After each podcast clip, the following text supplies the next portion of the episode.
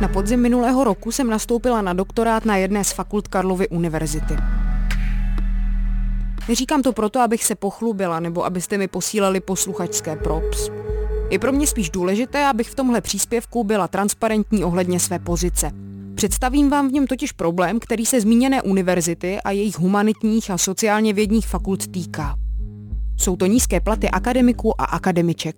Tak jedna, jedna rovina je taková ta úplně praktická, kdy e, člověk vlastně pravidelně jednou za měsíc naráží na to, že nemá peníze na účtu.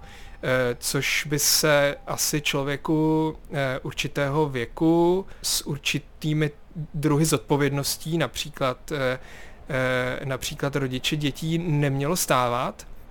Druhá rovina je nějaký pocit důstojnosti, eh, který pochopitelně eh, tahle situace vůbec neumožňuje. Tohle je Vít Zdrálek, odborný asistent na katedře muzikologie Filozofické fakulty Univerzity Karlovy. Stejně jako stovky jeho kolegů a kolegyň bádá, učí a publikuje, a stejně jako stovky jeho kolegů a kolegyň za tuhle náročnou tvůrčí vědeckou práci bere měsíčně v průměru 30 tisíc korun. Takový plat, že se z něj v Praze s rodinou v pronajatém bytě skoro nedá vyžít. Přitom minimální důstojná mzda v hlavním městě loni dosahovala ke 40 tisícům korun a ta průměrná až k 50. Hodin nebo dní na, eh, na, na akademickou práci skutečně, potom zase ho doběhne ten účet a pak si přečte článek o mzdách průměrných v Praze a zase ho dostihne ten pocit, eh, pocit tedy nedůstojnosti té situace. No a takhle vlastně se v tom jako pořád vaří. O akademickém prekariátu, tedy vědecko-pedagogických pracovnících a pracovnicích především z humanitních a společenskovědních oborů, kteří pobírají nedůstojné platy, se v posledních týdnech mluví čím dál víc. Děkanka Filozofické fakulty Eva Lehečková pro Český rozhlas Plus mluvila o neúnosnosti situace, někteří akademici sdíleli tristní analýzy na svých blozích, jiní popisují, že jsou nuceni kumulovat úvazky a přivydělávat si jinde. A teď pozor, přichází vysvětlovací část. Nejsou to totiž jen nízké platy humanitních a společenských vědců a vědkyň, ale taky propastné rozdíly ve mzdách napříč fakultami, jak ve svém článku grafem dokládá Jakub Jirsa z Ústavu filozofie a religionistiky, zatímco plat profesora z druhé lékařské fakulty překročil v roce 2021 částku 100 000 korun, profesorský plat na Husické teologické fakultě Karlovy univerzity se nevyšplhal ani ke 40 tisícům. Může za to nepříliš spravedlivé přerozdělování prostředků na univerzitě, zapříčiněné vnitřním mzdovým předpisem, který operuje s takzvanými podlahami a stropy. Zatímco některé fakulty se drží spíš u stropů, vyplácejí tedy nejvyšší možné mzdy, humanitní a společenskovědní obory zůstávají obvykle na podlahách. Problém je navíc dlouhodobý a zásadní roli v něm hraje taky ministerstvo školství, které fakultám poskytuje peníze na základě tzv. koeficientů ekonomické náročnosti. Ty jsou platné od 90. let a zjednodušeně řečeno předpokládají, že zatímco některé fakulty potřebují špičkové laboratorní zázemí a nákladnou výpočetní techniku, lidé z filozofických fakult si vystačí s tuškou a papírem. To ale samozřejmě zhruba o 30 let později neplatí tak asi jako by pomohlo, kdyby se mzdy, eh, které pobíráme, radikálně zvýšily. To znamená ne jako o tisíc ani pět tisíc, ale mm, prostě eh, tak, aby se pohybovaly někde na úrovni důstojné mzdy nebo adekvátní teda jako příslušnému eh, regionu, kde ta univerzita sílí.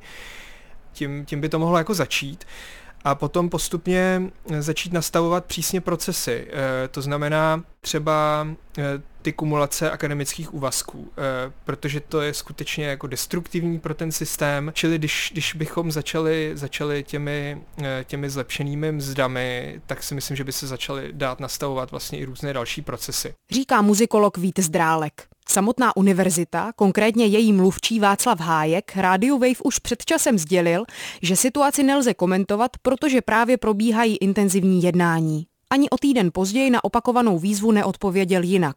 Podobně se vyjádřila i Aneta Lednová, mluvčí ministerstva školství, které pro řešení mest akademiků a akademiček nově zřídilo pracovní skupinu. Pracovní skupina za účasti zástupců zákonem stanovených reprezentací vysokých škol, kterými byly Česká konference rektorů a Rada vysokých škol, na ministerstvu diskutovala klíčové otázky systému financování vysokých škol v souvislosti s výší mest akademických pracovníků. Dalším krokem bude příprava podkladového materiálu pro jednání vlády, který bude ještě před předložením ministrům projednán s asociacemi děkanů fakult a dalšími aktéry. Předpokládáme, že se tak stane v řádu týdnů. Ministerstvo školství sice zřídilo pracovní skupinu, která se má mzdami na vysokých školách intenzivně zabývat. Nedůstojně zaplacení lidé ale nemůžou čekat další měsíce nebo dokonce roky. Akademici a akademičky právě hojně vstupují do odboru a snaží se vyjednávat, ale v případě neúspěchu zvažují dokonce krajní možnosti, jako je stávka nebo třeba podání žaloby na Univerzitu Karlovu.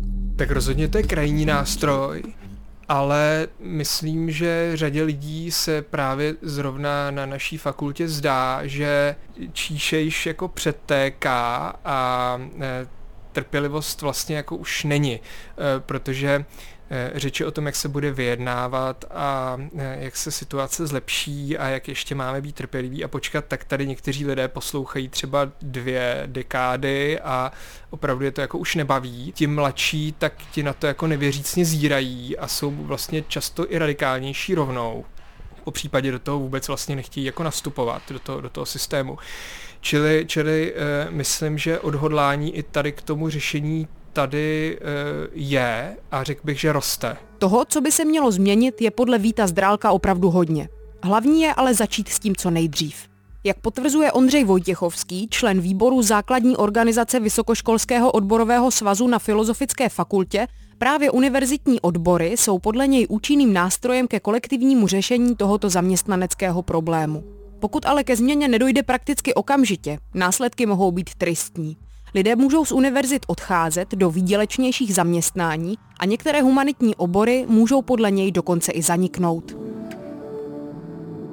Eh, ve chvíli, kdy skutečně tedy ti zaměstnanci univerzit a fakult dospějí k tomu, že ta situace je neudržitelná, tak se najednou ukazuje, že ty odbory tedy jsou zde nezastupitelné a Eh, že je potřeba vlastně jich eh, v tomto procesu a v tomto vyjednávání, v tomto úsilí zlepšit naší situaci je využít. Takže my teď v posledních dnech zažíváme vlastně velký nárůst naší tedy členské základny, což mimo jiné odráží, že skutečně vlastně velká část zaměstnanců tu situaci vnímá stejně jako vedení fakulty nebo odborová organizace, to znamená velmi kriticky. Je třeba říct, že Filozofická fakulta vlastně tedy garantuje, zajišťuje Eh, existenci eh, často unikátních oborů eh, v naší republice. A pokud by skutečně žádná změna nenastala, tak tady fakticky hrozí zánik nebo výrazné omezení mnohých humanitních společenskovědních oborů. Zatím není stále jasné, jak nebo kdy najde univerzita společně s ministerstvem školství řešení. Jedno je ale jisté. Současný stav věcí je neudržitelný a podmínky pro akademiky a akademičky nejen podle Zdrálka a Vojtěchovského nedůstojné. E, situace je kritická nyní. Ale potom očekáváme, že také dojde vlastně k nějaké systémové změně, aby dostala univerzita zákonu, který hovoří o tom, že na stejné pozici má být, má být daný zaměstnanec odměňován adekvátně a stejně. To, že není možné, aby docent na jedné fakultě pobíral o 100% vyšší mzdu než na fakultě jiné. A potom dále tedy eh, to systémové řešení je samozřejmě v navýšení prostředků eh, pro vysoké školství ze strany státu, tak aby eh, univerzity, vůbec vysoké školství dostávaly z rozpočtu stejné procento, jako je průměr tedy zemí združení v OECD ja, což je, myslím, eh, adekvátní požadavek a který mimo jiné tedy prosazují i rektoři vysokých škol. Pro Radio Wave Hana Řičicová.